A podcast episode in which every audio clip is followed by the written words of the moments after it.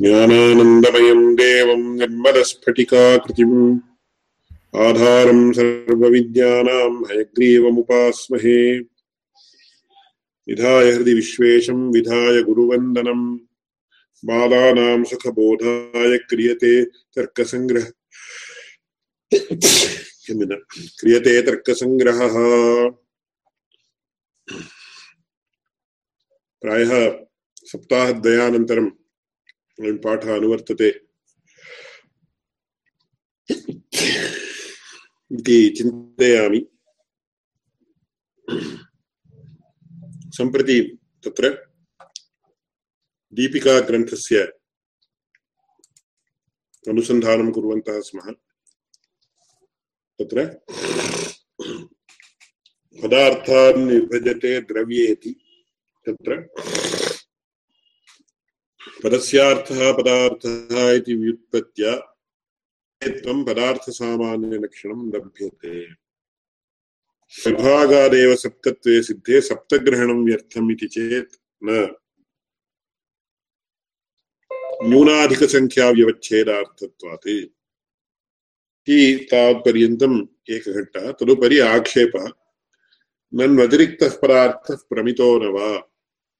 न आद्यः प्रमितस्य निषेधायोगात् न अन्त्यः। प्रतियोगिप्रमितिं विना निषेधानुपपत्तेः इति चेत् पदार्थत्वं द्रव्यादिसप्त अन्यतमत्वव्याप्यम् इति व्यवच्छेदार्थत्वात् इति तावत्पर्यन्तम् उक्तमासीत्। तदुपरि पुनः आक्षेपः ननु सप्तान्यतमत्वम् अन्यत्वमिति वक्तव्यम्। एवञ्च सप्तभिन्नस्य अप्रसिद्धत्वात् सप्तान्यतमत्वं कथम् इति चेत्, न? आदिसप्तान्यतमत्वं द्रव्यादि, द्रव्य, द्रव्यादिभेदसप्तकाभाववत्वम् इत्युक्तत्वात्। एवमग्रेपि द्रष्टव्यम् इति। अत्र मध्ये द्वित्राः प्रश्नाः, हरिप्रियदासैः कृताः उत्तमः, उत्तमाः प्रश्नाः। ते ते प्रश्नाः तावत् बहुका सप्ताहात् पूर्वं वीक्षिताः इदानीं न स्मर्यन्ते। अतः अग्रिमकक्षायां वा, अथवा एवमग्रेपि द्रष्टव्यम् इति तावत्पर्यन्तं पाठयित्वा तदग्रिमकक्षायाम् अवश्यं तेषां प्रश्नानाम् उत्तरं वक्ष्यते एवञ्च प्रकृते इदानीं पदार्थत्वं द्रव्यादिसप्त इति व्यवच्छेदार्थत्वात् इति तावत्पर्यन्तम् उक्तम् एवञ्च सप्ता इति शब्दस्य ग्रहणम्। अधिकसङ्ख्याव्यवच्छेदार्थम् इति न उच्यते शब्दतः। किन्तु तत्र किमिति उच्यते? यत्र यत्र पदार्थत्वं तत्र तत्र द्रव्यादिसप्त अन्यतमत्वम् इति। आङ्ग्लभाषायां मया ते उक्तम् if it is a padartha, if it is an entity, it has to be one of the seven.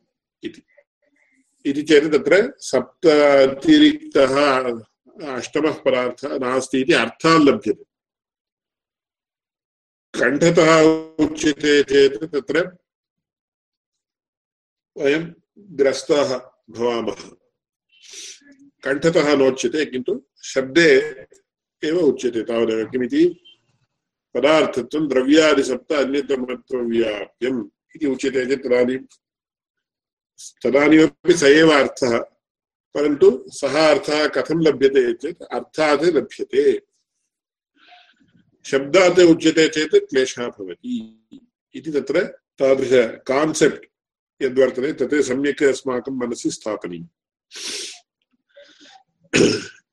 बहु, बहुषु विषयेषु वयमेवं पश्यामः। यथा इदानीं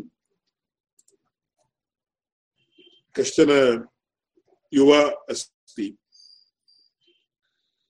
सः तत्र किञ्चिदिव अयुक्तेषु विषयेषु प्रवृत्तिं करोति चेत् तदानीं पित्रा कथं सः ज्ञापनीयः इति चेत् शब्दम् उक्त्वा एवं कुरु एवं न कर्तव्यम् एवं न कर्तव्यम् एवं न कर्तव्यम् इति उच्यते चेत् तत्र क्लेशाः भवन्ति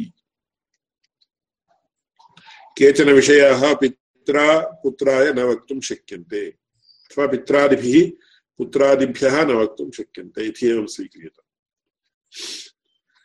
तदानीं किं कर्तव्यम् चेत् साधारणशब्दैः वक्तव्यं भोः दुस्सहवासः त्यज्यताम्।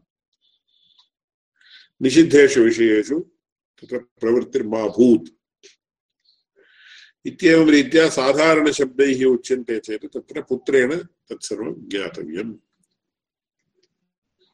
अथवा तत्र अस्माभिः कदाचित् कस्मैचित् किमपि वक्तव्यं चेत् साधारणशब्दैः साक्षादेवं कश्चित् इदानीं सुरापानं करोति चेत्। सुरापानं मा कुरु इति उच्यते चेत्। ते कथं भवता मया सुरापानं कृतम् इति ज्ञायते? भवता भवता दृष्टं वा, एवं वा, तथा वा इति एवम् अधिकतया तत्र वार्तालापः अधिको भवति। परस्परं चर्चा, कलहः इत्यादि, इत्यादीनां प्रसक्तिर्भवति अतः तत्र साधारणतया किं क्रियते? ओहो, निषिद्धविषयेषु प्रवृत्ति मा न क्रियताम्। सः कुर्वन्नस्ति चेदपि अयमुपदेशः युज्यते। न कुर्वन्नस्ति चेदपि अयम् उपदेशः युज्यते।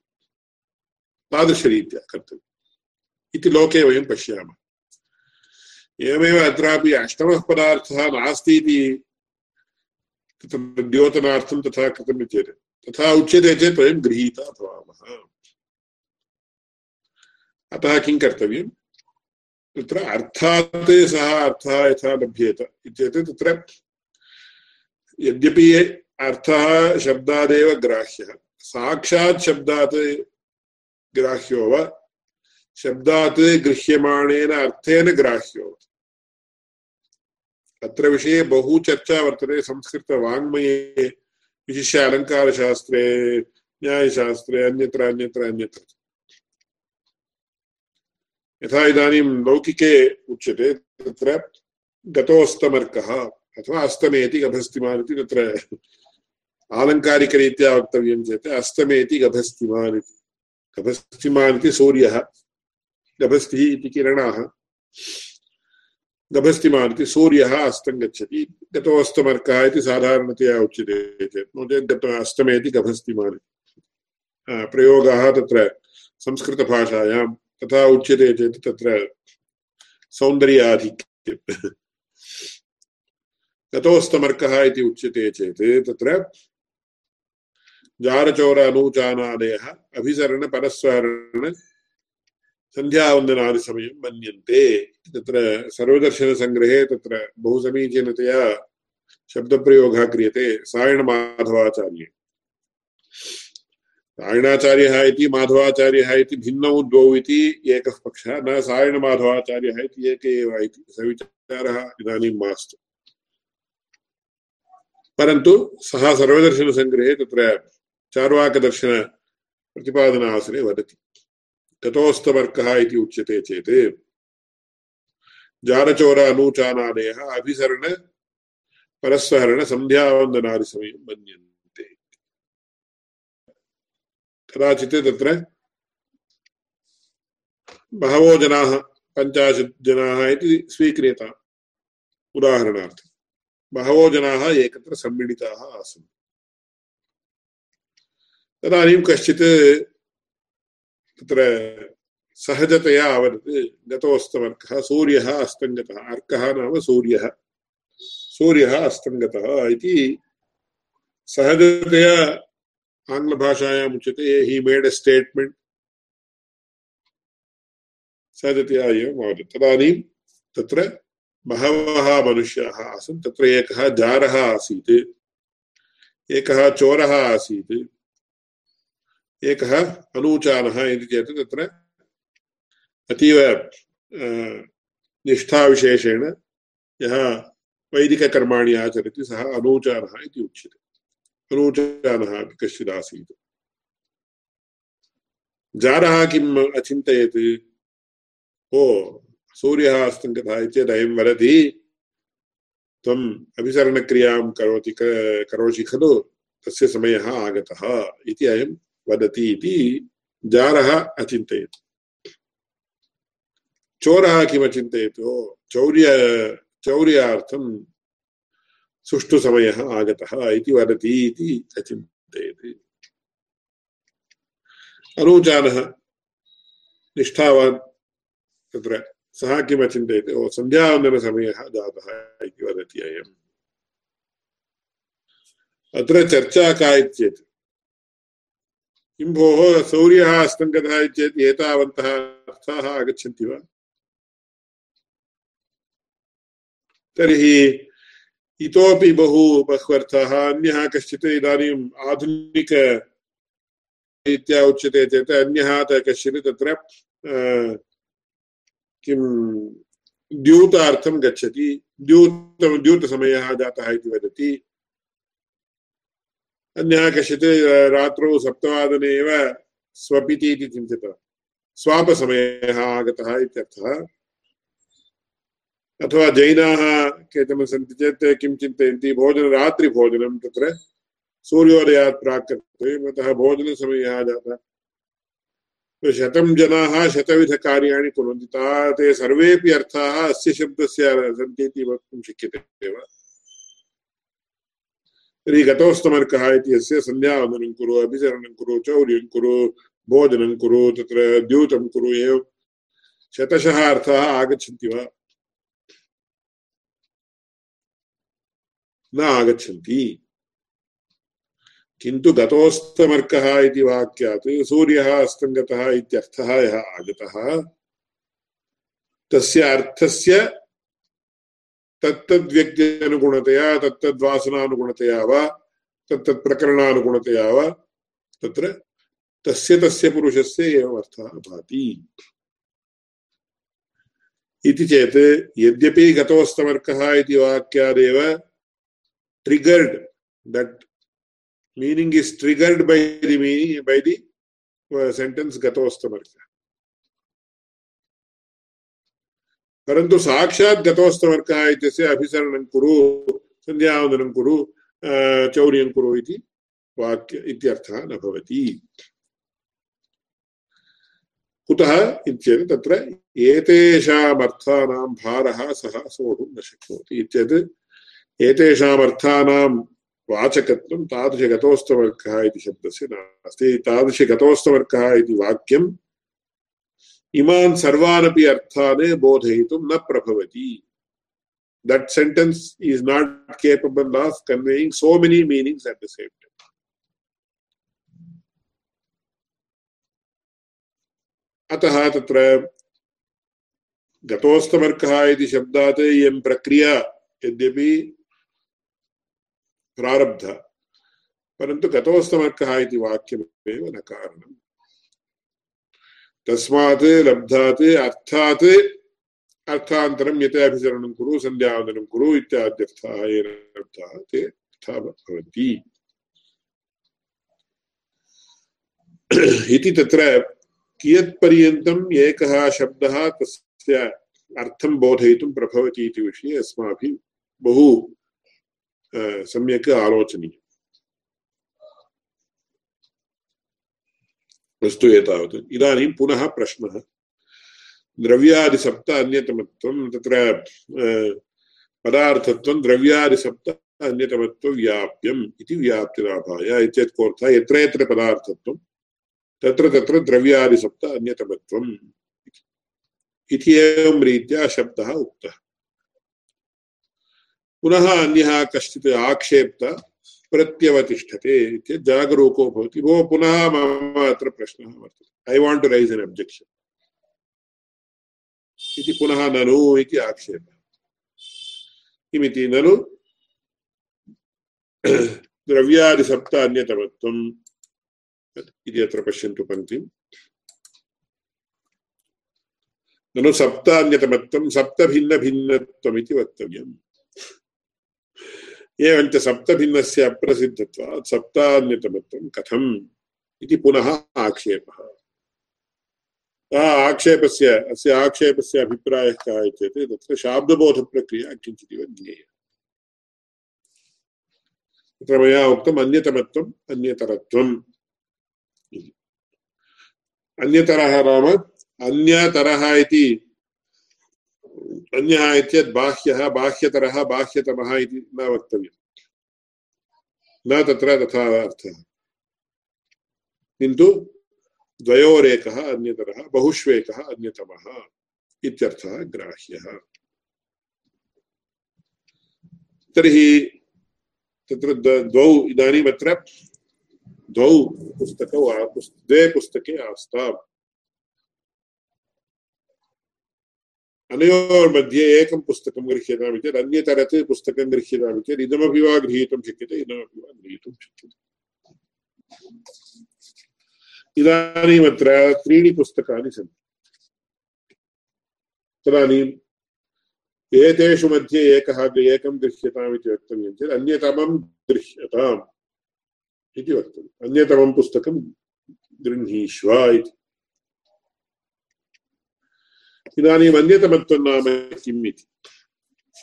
संस्कृतभाषायां विशिष्य न्यायशास्त्रे अस्माभिः we have to get down until we go to the last stage इत्येतत् तत्र लास्ट् स्टेज् इत्येतत् मोस्ट् एलिमेण्टरि स्टेज् इति आङ्ग्लभाषायाम् उच्यते, खलु?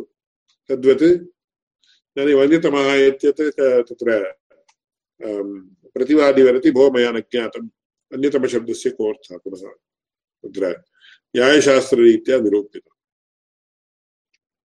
रीत्या निरूपणं कर्तव्यं चेत् तत्र एकपदात्मकं विवरणं दे प्रायेण।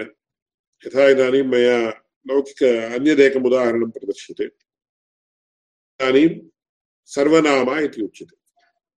सर्वनाम चेत् कोऽर्थः? Pronoun. That which is used in the place of a noun यथा उदाहरणार्थं रामः वनं गच्छत् अगच्छत् तत्र सः हरिणम् अपश्यत् इति वदति। इदानीं रामः वनम् अगच्छत्, तत्र सः हरिणम् अपश्यत् अथवा व्याघ्रम् अपश्यत् इति वदामः इति चिन्त्यते। तत्र इत्येतत् कोऽर्थः? वने इत्यर्थः। सः इत्येतत् कः? रामः इत्यर्थः किमर्थं भो रामः इत्यस्य स्थाने तत्र किमर्थं तत्र भरतः इति किमर्थं न भवति इति चेत् एतत् पूर्ववाक्ये भवद्भिः रामः इति स्पष्टतः उक्तम् एवं वनम् इति स्पष्टतः वदन कथनात् तत्र इत्येतत् तस्मिन् तत्र इत्यत्र त्रल् प्रत्ययान्तम् अव्ययं तत्र इति एतत् तद् तते इति शब्दस्य उपरि त्रल् प्रत्ययः योजितः त्रल् प्रत्ययस्य कोऽर्थः अधिकरणत्वम् अर्थः तस्मिन् इत्यस्य इति यथा उच्यते तद्वत् तस्मिन् तच्छब्दोपरि सप्तमी विभक्तिः सप्तम्याः अधिकरणत्वमर्थः सप्तम्यधिकरणे च इत्यनुशासनं वर्तते त्रल् प्रत्ययस्यापि अधिकरणत्वमेव अर्थः एवञ्च तत्र इत्यत् पूर्व पूर्वपरामर्शी पूर्वं परामर्शति अतः सर्वनाम पूर्वं परामर्शति चेत् कदाचित् पूर्वमनुक्तमपि परामर्श्येत। यथा इदानीं द्वौ सुहृदौ आस्ताम् अथवा स्तः। द्वौ सुहृदौ स्तः। द्वावपि तत्र अतीव आसक्तिमन्तौ इति चिन्त्यते। तदानीम् एकः अपरं दृष्ट्वा, ए, तदस्ति वा? इति पृच्छति, इति चिन्त्यते। लौकिकम् एकम् उदाहरणं दास्यामि, अन्यथा न भावति। तदस्ति वा? इत्येतत् तत्र सिगरेट् अस्ति वा? इत्यर्थः। तत् इति इदानीं मैनं प्राथम्येन अद्य परस्परं तत्र मेलनं जातमस्ति। पूर्वं किमपि न उक्तं खलु। अतः पूर्वपरा तत् इति शब्दस्य, तति इति शब्देन सिगरेट् इति अर्थः कथं तत्र लब्धुं शक्यते। पूर्वतनं वाक्यमेव किमपि नास्ति इत्येतत्। अतः तदानीं सर्वनाम्ना बुद्धिस्थपरामर्शित्वम् इत्युच्यते बुद्धिस्थपरामर्शी इति तावन्मात्रम् उच्यते चेत् नव्यनैयायिकानां तत्र न सन्तोषः तेषां बुद्धिस्थस्य बुद्धिस्थपरामर्शी इति तावन्मात्रम् उच्यते चेत् न किन्तु तत्र नव्यन्यायभाषया वक्तव्यं चेत् अग्रे सर्वम् आगच्छति पुनः अतः इदानीं न तद्विषये दास्यामि बुद्धिविषये तावच्छेदकत्वोपलक्षितधर्मावच्छिन्नत्वम् किं नाम सर्वनामत्वं? बुद्धिविषये तावच्छेदकत्वोपलक्षितधर्मावच्छिन्नत्वम् इति एवं रीत्या तत्र अवच्छेदक अवच्छिन्न इति शब्दयोजनेनैव तेषां सन्तोषः इति इतरे वदन्ति, स विचारः इदानीं मास्तु। एवम् अन्यतरः चेत् द्वयोरेकः अथवा बहुष्वेकः इति उच्यते चेत् किं रूपं तत्? शाब्दबोधे योजनीयं तदानीं तस्य एकपदात्मकत्वं बहुषु एकत्वम् इति उच्यते चेत् शाब्दबोधे कथं योजयितुं शक्यते? सप्तान्यतमत्वं सप्तसु एकत्वम् इति उच्यते चेत् भिन्नपदत्वम् अतः तदन्यतमत्वं नाम तद्भिन्नभिन्नत्वम् इति उच्यते। भो, तद्, तद्भिन्नभिन्नत्वम् इत्येतत् अन्यतमत्वं नाम तद्भिन्नभिन्नत्वम् इति कथमर्थः लभ्यते चेत् एवम् अर्थः ग्राह्यः। इदानीं लौकिकम् एकम् उदाहरणं दास्यामि। रामः, लक्ष्मणः, भरतः शत्रुघ्नः इति चत्वारः पुत्राः दशरथस्य। एतेषु पुत्रेषु एकम् आनय इति इति कथनस्य स्थाने अस्माभिः किं कर्तुं शक्यते? दशरथपुत्रेषु अन्यतमम् आनय इति वदामः। यः कोऽपि एकः। तदानीम् अन्यतमम् आनय इति चेत् को वा आनेतुं शक्यते अस्माभिः। को वा आनेतुं शक्यते? रामो वा? लक्ष्मणो वा? भरतो वा? शत्रुघ्नो वा? चतुर्षु यः कोऽपि। इति चेत् अन्यतमत्वं कुत्र अस्ति? दशरथपुत्र अन्यतमत्वं कुत्र अस्ति? चतुर्ष्वपि हा चतुर्ष्वपि अस्ति। रामेपि अस्ति लक्ष्मणेपि अस्ति भरतेपि अस्ति शत्रुघ्नेष्वपि अस्ति शत्रुघ्नेपि अस्ति। एवञ्च शाब्दबोधयोजना शाब्दबोधे योजनावसरे वयं किं कथा, कथयामः? दशरथपुत्रान्यतमत्वं दशरथपुत्रेषु चतुर्ष्वपि वर्तते, तर्हि दशरथपुत्रान्यतमत्वं नाम दशरथपुत्रभिन्नभिन्नत्वम्। कथम् इच्छेत् दशरथपुत्रभिन्नभिन्नत्वम् इति दशरथपुत्रभिन्नः नाम कोऽर्थः? दशरथपुत्रभेदवान् इत्यर्थः। भिन्नः इति शब्दस्य भेदवान् we have to break it down to the most elementary level इति मया अतः उक्तम् शाब्दबोधप्रक्रिया कीदृशी चेत् any word which is little bit complicated or complex complicated इति कथनापेक्षया complex इति शब्दः युज्यते complex word agachati cheti you have to break it to the most simplest possible state एवञ्च दशरथपुत्रान्यतमत्वं नाम दशरथपुत्रभिन्नभिन्नत्वम् इदानीं दशरथपुत्रभिन्नभिन्नत्वम् चेत् दशरथपुत्रभिन्न भिन्नात् भिन्नः इति। दशरथपुत्रभिन्नः इति चेत् भिन्नः इति एकदृष्ट्या सम समस्तं पदम् तार्किकाणां दृष्ट्या समस्तं पदम् भिन्नः नाम कोऽर्थः? भेदवान् इत्यर्थः। एवञ्च दशरथपुत्रभेदः कुत्र वर्तते? दशरथपुत्रभेदः कुत्र वर्तते।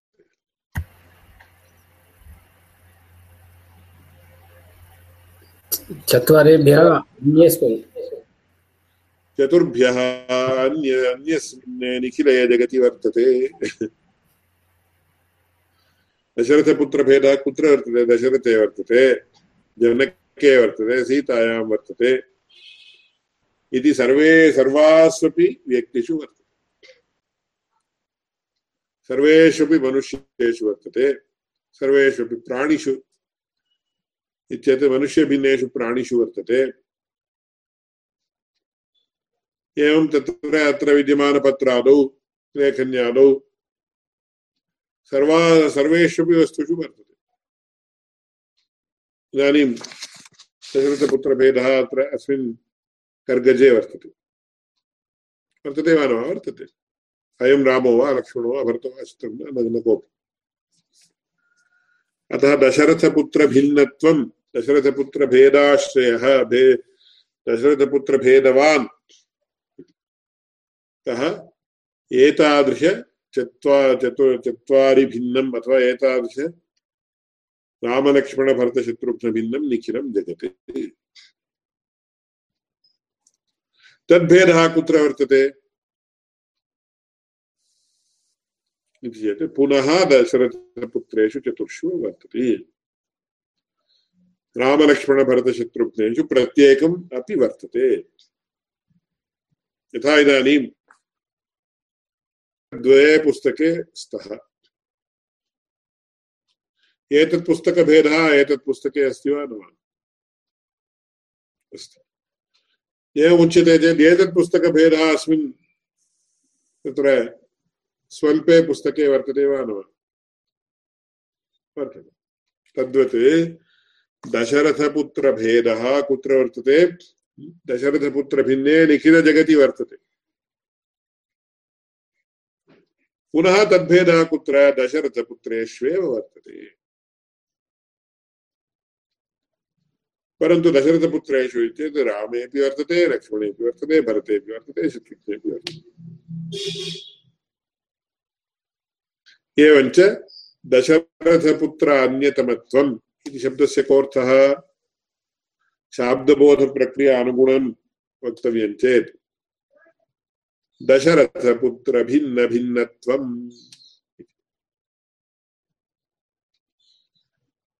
दशरथपुत्रभिन्नं निखिलम् एतादृश चत्वारि अथवा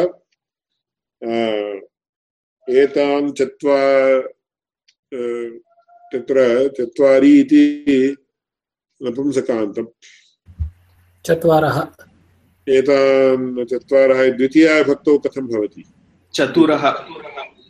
चतुरः। एतान् चतुरः त्यक्त्वा सर्वत्रापि दशरथपुत्रभिन्नत्वं वर्तते। तद्भिन्नत्वं कुतः? पुनः कुत्र आगच्छति? दशरथपुत्रेष्वेव आगच्छति। परन्तु दशरथपुत्रेषु प्रत्येकं रामे दशरथपुत्रान्यतमत्वं नाम दशरथपुत्रभिन्नभिन्नत्वं कुत्र आगच्छति रामे, लक्ष्मणे, भरते, शत्रुघ्ने च आगच्छति।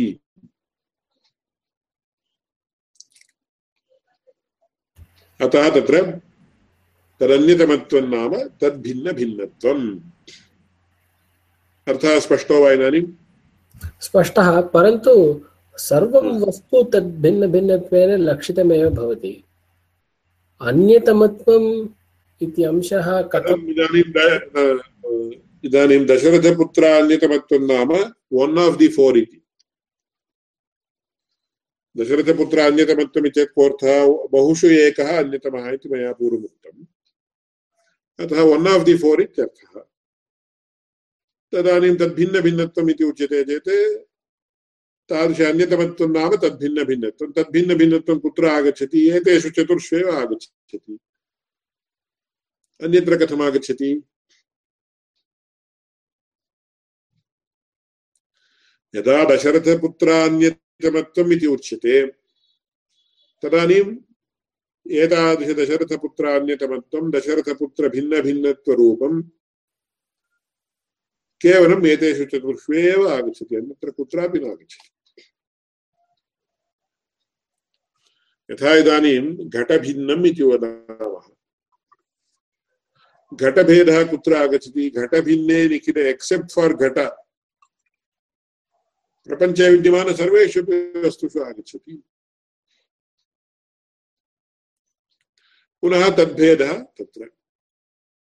अत एव तत्र अग्रे उच्यते, तत्र अन्यः एकः नियमः सः, भेदाभावः, भेदप्रतियोगितावच्छेदकरूपः इति। स विचारः इदानीं मया न अवच्छेदकशब्दस्य विस्तरेण विवरणानन्तरं तद् अतः भेदाभावः भेदप्रतियोगितावच्छेदकरूपः इति उच्यते। घटभेदाभावः इति उच्यते। घटभेदाभावः कुत्र घटे अस्ति। घटभेदः घटो न, घटभेदो नाम अयं घटो न अयम् अथवा इदम्। घटभेदः कुत्र घटभिन्ने निखिले पटे कुड्ये कुसूरे गवी अश्वे मनुष्ये आकाशे काले दिशि आत्मनि मनसि सर्वत्रापि अस्ति तदभावः कुत्र अस्ति घटे एव अस्ति घटभेदभेदः अपि घटे वर्तते घटभेद अभावोऽपि घटभे घटे एव घटभेदभेदः इति न वक्तव्यं घटभिन्नभेदः इति वक्तव्यम् घटभेदभेदः चेत् सविचारः अन्यः। घटभिन्नभेदः चेत् सविचारः इदानीं तत्र किं जातं? दशरथपुत्रान्यतमत्वं नाम दशरथपुत्रभिन्नभिन्नत्वम् तादृश दशरथपुत्रभिन्नभिन्नत्वं कुत्र अस्ति? दशरथपुत्रेषु वर्तते। केषु रामे लक्ष्मणे भरते शत्रुघ्ने च वर्तते। इदानीम् अत्र आक्षेपः कः इत्येतत् भोः भवद्भिः उक्तम् पदार्थत्वं द्रव्यादिसप्त अन्यतमत्वव्याप्यम् इति पदार्थत्वं द्रव्यादिसप्त अन्यतमत्वव्याप्यम् इत्येतत् कोऽर्थः यत्र यत्र पदार्थत्वं, तत्र तत्र द्रव्यादिसप्त अन्यतमत्वम् इति। द्रव्यादिसप्त अन्यतमत्वं नाम किम्? यथा दशरथपुत्रान्यतमत्वं नाम दशरथभिन्नभिन्नत्वम्।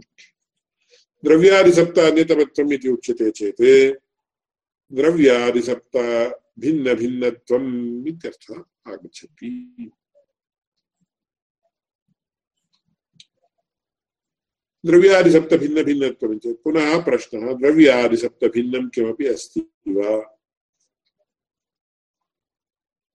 अस्ति वा? एतावत्पर्यन्तम् अस्माभिः किमर्थम् एतावत् प्रयासः कृतः? अष्टमः पदार्थः नास्ति इति शब्दवाच्यतया उच्यते चेत् तदानीं गृहीता भवामः भो अष्टमः पदार्थः नास्ति इति उच्यते, प्रमितस्य निषेधो वा अप्रमितस्य निषेधो वा? प्रमितस्य निषेधश्चेत् एवं दोषः, अप्रमितस्य निषेधश्चेत् एवं दोषः कथम्? तादृश गह्वर गह्वरे वयं न पतामः इति दृष्ट्या खलु अस्माभिः किमुक्तम्? अष्टमः पदार्थः अस्ति इत्यपि नोच्यते नास्ति इत्यपि नोच्यते अष्टमसङ्ख्याविवच्छेदार्थम् इत्यपि इत्येव नोच्यते। केवलम् एतावदुच्यते किमिति? यत्र यत्र पदार्थत्वं, तत्र तत्र द्रव्यादिसप्तान्यतमत्वम् इत्येतादृशव्याप्तेः लाभार्थं मया एवमुक्तम्।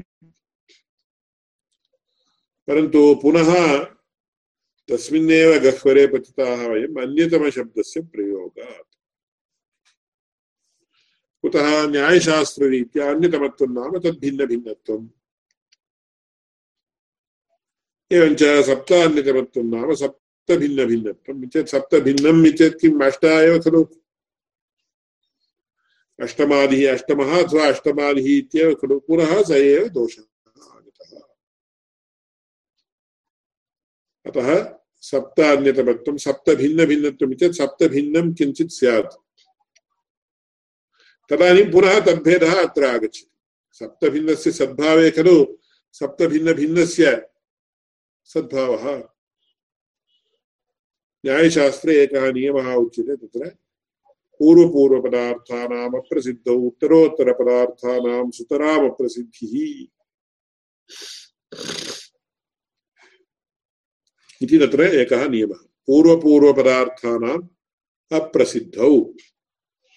उत्तरोत्तरपदार्थानां सुतरामप्रसिद्धिः इति चेत् तत्र एकेन, एकया कथया स्मारितः अथवा एकां कथां स्मरामि यत्र कश्चित् याचकः, भिक्षुकः सः अतीव दरिद्रः आसीत्। दारिद्र्यवशात् तत्र भिक्षाटनं कृत्वा जीवति स्म। कदाचित् तत्र केनचित् दयालुना तस्य कृते एकस्मिन् घटे पिष्टं किञ्चित् दत्तं तण्डुलपिष्टमिति चिन्तितम् तण्डुलपिष्टं दत्तं किञ्चित् तत्र जलेन साकं संयुज्य पिण्डरूपेण कृत्वा खादितवान्। इतोपि किञ्चित् पिष्टम् अवशिष्टम् आसीत्। सः किमकरोत्, तस्य तं घटं तत्र स्वस्य खट्वा आसीत्? खट्वायां स्वपिति स्म, खट्वापर्यन्तमेव स्थलं तस्य स्वापार्थम् अतीव दरिद्रः खलु। तत्र उपरि एकं स्थानमासीत्, तत्र स्थापयित्वा तं घटं स्थापयित्वा तत्र सम्यक् स्वापम् अनुभोक्तुं प्रारब्धवान् तत्र एकत्र गद्यकाव्ये निद्रासुखम् इति एकेन कविना लिखितम् निद्रासदृशं सुखं किमपि नास्ति तदपेक्षया अधिकं सुखम् अन्यत्र अन्यत्र अस्ति इति जनाः वदेयुः परन्तु निद्रासदृशं सुखं तावत् अन्यत्र नास्ति इति स्पष्टं वक्तुं प्रभवामः वेदान्तशास्त्रदृष्ट्या तावत् तत्र परमात्मसंयोगः भवति इत्यादिकम् उच्यते यथा हिरण्यनिधिम् अक्षयत् प्रज्ञाः उपरि उपरि सञ्चरन्तः। इत्यादि उपनिषद्वाक्यम् अत्यधिक अतिसमीचीनं सविचारः इदानीं मास्तु। एवञ्च तथा सः तस्मिन् तथा निद्रति सति इति सतिसप्तमी प्रयोगः। यदा सः तादृशस्वापं कुर्वन् आसीत्।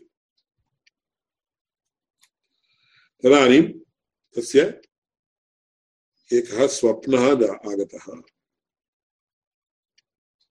इति तत्र विस्तरेण कथा वर्तते। किमिति अत्र एतावत् पिष्टमस्ति खलु। इमं पिष्टम् अहम् आपणे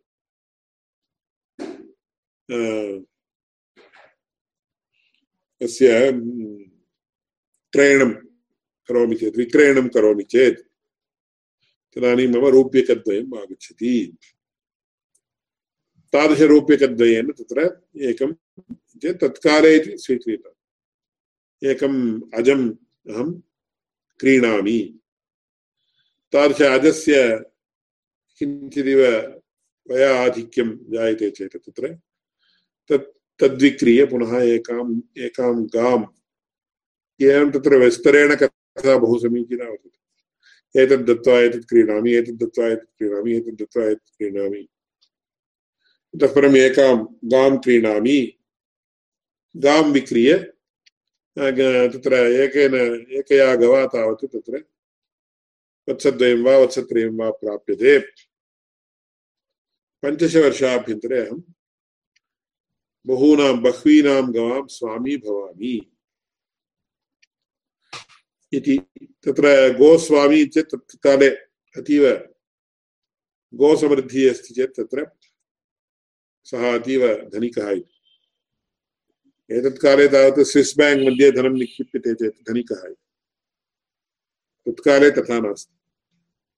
बहूनां गवां स्वामी चेत् सः अतीव समर्थः अतीव धनिकः इति ऐश्वर्यवान् रामायणे विद्यते गोषु सम्पन्नम् इति। गोसमृद्धिः सम्पदः सूचकम् सूचिका इति। तद्वत् अतीव गवा, बहूनां गवां स्वामी भवामि चेत् तदानीम् एकः अत्र अस्य ग्रामस्य धनिकः आगत्य तस्य पुत्रीं मह्यं विवाहार्थे दास्यति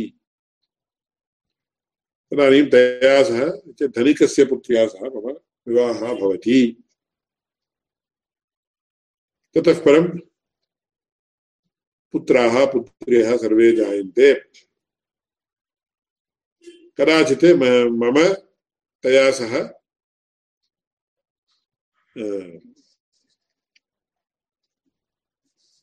कलहः जायते।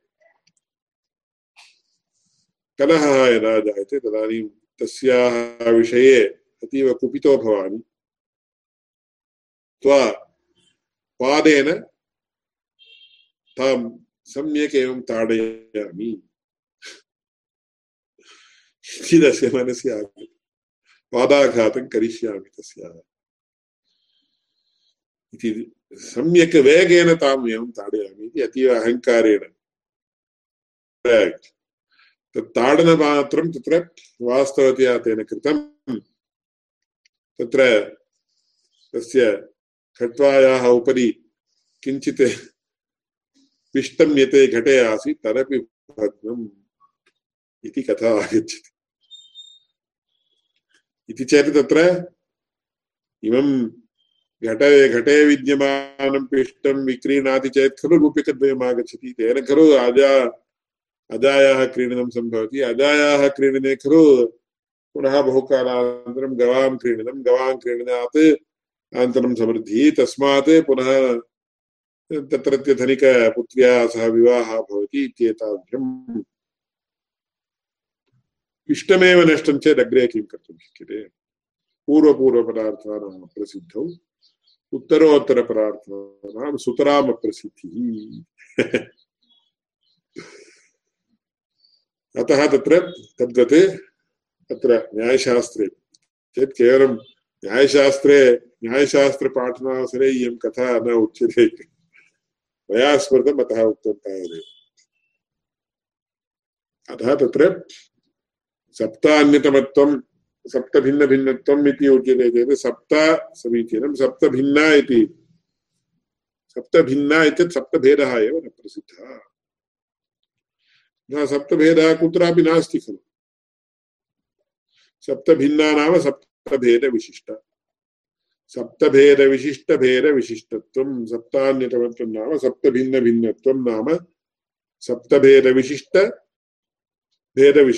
अथवा भेदविशिष्टः इत्यर्थः। सप्तभेदः एव न प्रसिद्धः। एवञ्च सप्तभेदस्य अप्रसिद्धत्वात् सप्तभिन्नभिन्नत्वं सुतराम् अप्रसिद्धम् पदार्थत्वं तत्र तत्र द्रव्यादिसप्तान्यतमत्वम् अथवा यत्र यत्र पदार्थत्वं, तत्र यत्र द्रव्यादिसप्तभिन्नभिन्नत्वम् इति भवतां वाक्यस्य, भवदुक्तवाक्यस्य अर्थः। अस्य वाक्यस्य न अर्थवत्वम् न समीचीन अर्थप्रतिपादकत्वम्। कुतः? तत्र सप्तभेदः एव न प्रसिद्धः। अतः सप्तभिन्नभिन्नत्वं सुतराम प्रसिद्धम्। एवञ्च कथं भवद्भिः एवं वक्तुं शक्यते इति पुनः आक्षेपः। अतः एतावत् प्रयासः यः, एतावान् प्रयासः अस्माभिः कृतः स प्रयासः व्यर्थो जातः। आक्षेप्तु अभिप्रायः पङ्क्तिं पश्यन्तु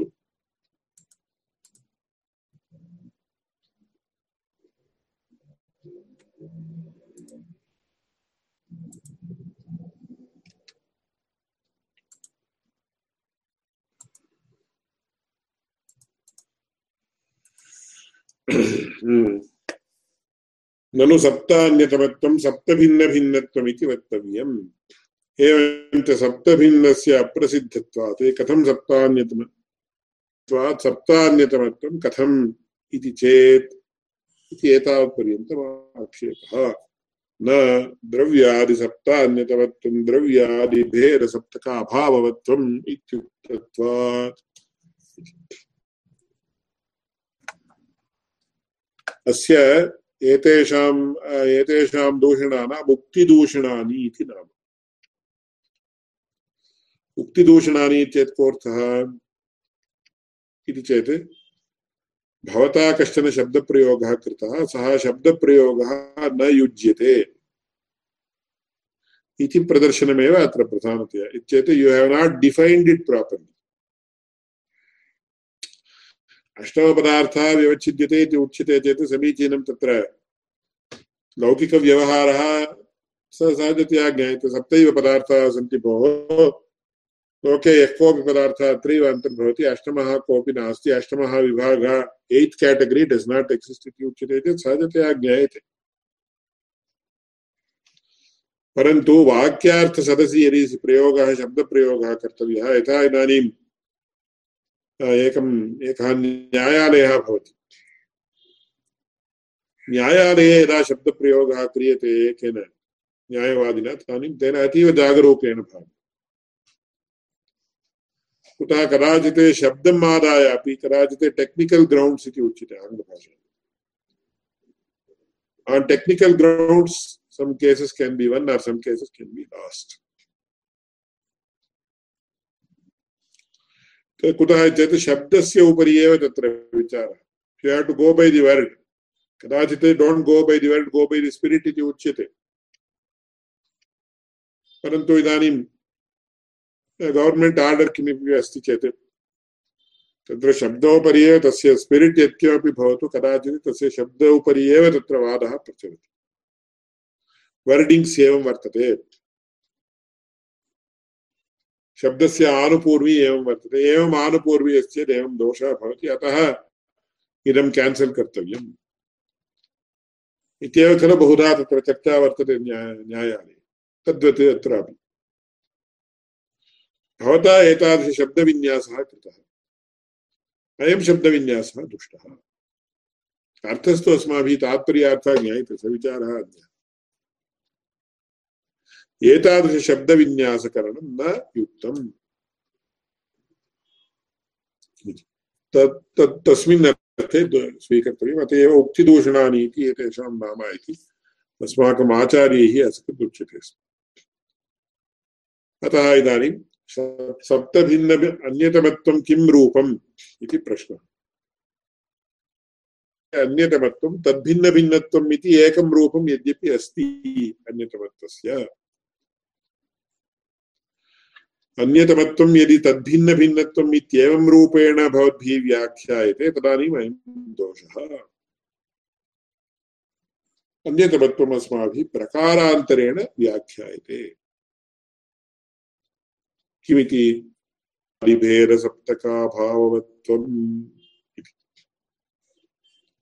तथा क्रियते चेत् भवद्भिः इदानीम् उत्थाप्यमानः दोषः न आगच्छति। कथम् एतत् इत्येतत् तदग्निमकक्ष्यायां पश्यामः। इदानीम् अद्यतनपाठे कोऽपि सन्देहः अस्ति वा? मम नास्ति। न स्वामि। आनन्दमहाभाग नास्ति। अग्रिमकक्षा प्रायः सोमवासरे भवेत्। सोमवासरे किञ्चित् पूर्वमेव भवेत् इति मन्ये। प्रायः सार्धसप्तवादने भवेत् यदि आनुकूल्यम् अस्ति। मया तावत् तत्र भानुवासरे सायङ्काले ज्ञाप्यते। इदानीं मङ्गलश्लोककथनपूर्वकं समापयामि। विधाय हृदि विश्वेशं, विधाय गुरुवन्दनं। बालानां सुखबोधाय क्रियते तर्कसङ्ग्रहः विश्वेश्वरं साम्बमूर्तिं प्रणिपत्य गिरां गुरुं टीकां शिशुहितां कुर्वे तर्कसङ्ग्रहदीपिकाम् ज्ञानानन्दमयं देवं निर्मलस्फटिकाकृतिम्। आधारं सर्वविद्यानां हयग्रीवमुपास्महे श्री हयग्रीवाय नमः।